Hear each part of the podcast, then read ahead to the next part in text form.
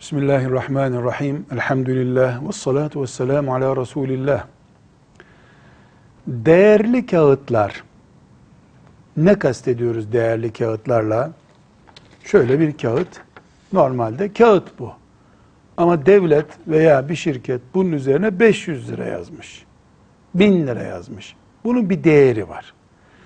Bu senet olur, çek olur veya başka bir konu olur. Bir boş kağıdın üzerine devletin bunu kabul ediyorum, doğrudur dediği bir yöntemle yani kanuni bir yolla, kanunun teminatı altın, te, kanunun teminat altına aldığı bir yolla bir rakam yazılmışsa buna değerli kağıt diyoruz. Bunun en yaygın kullanılanı çektir, senettir ve benzeri tahvil vesairelerdir. Çekler, senetler altın gümüş hükmündedirler.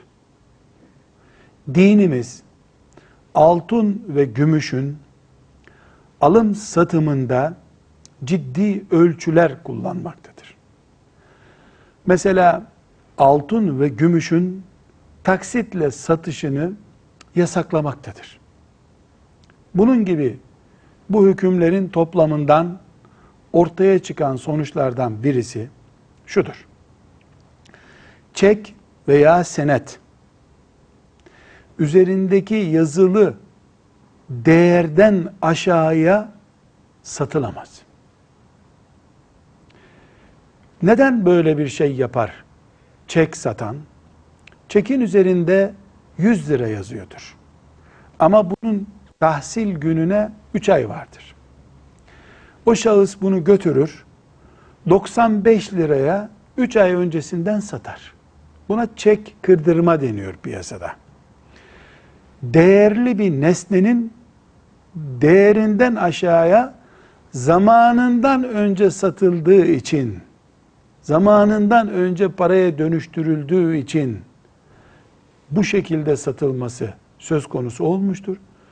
Bu faizdir ve haramdır.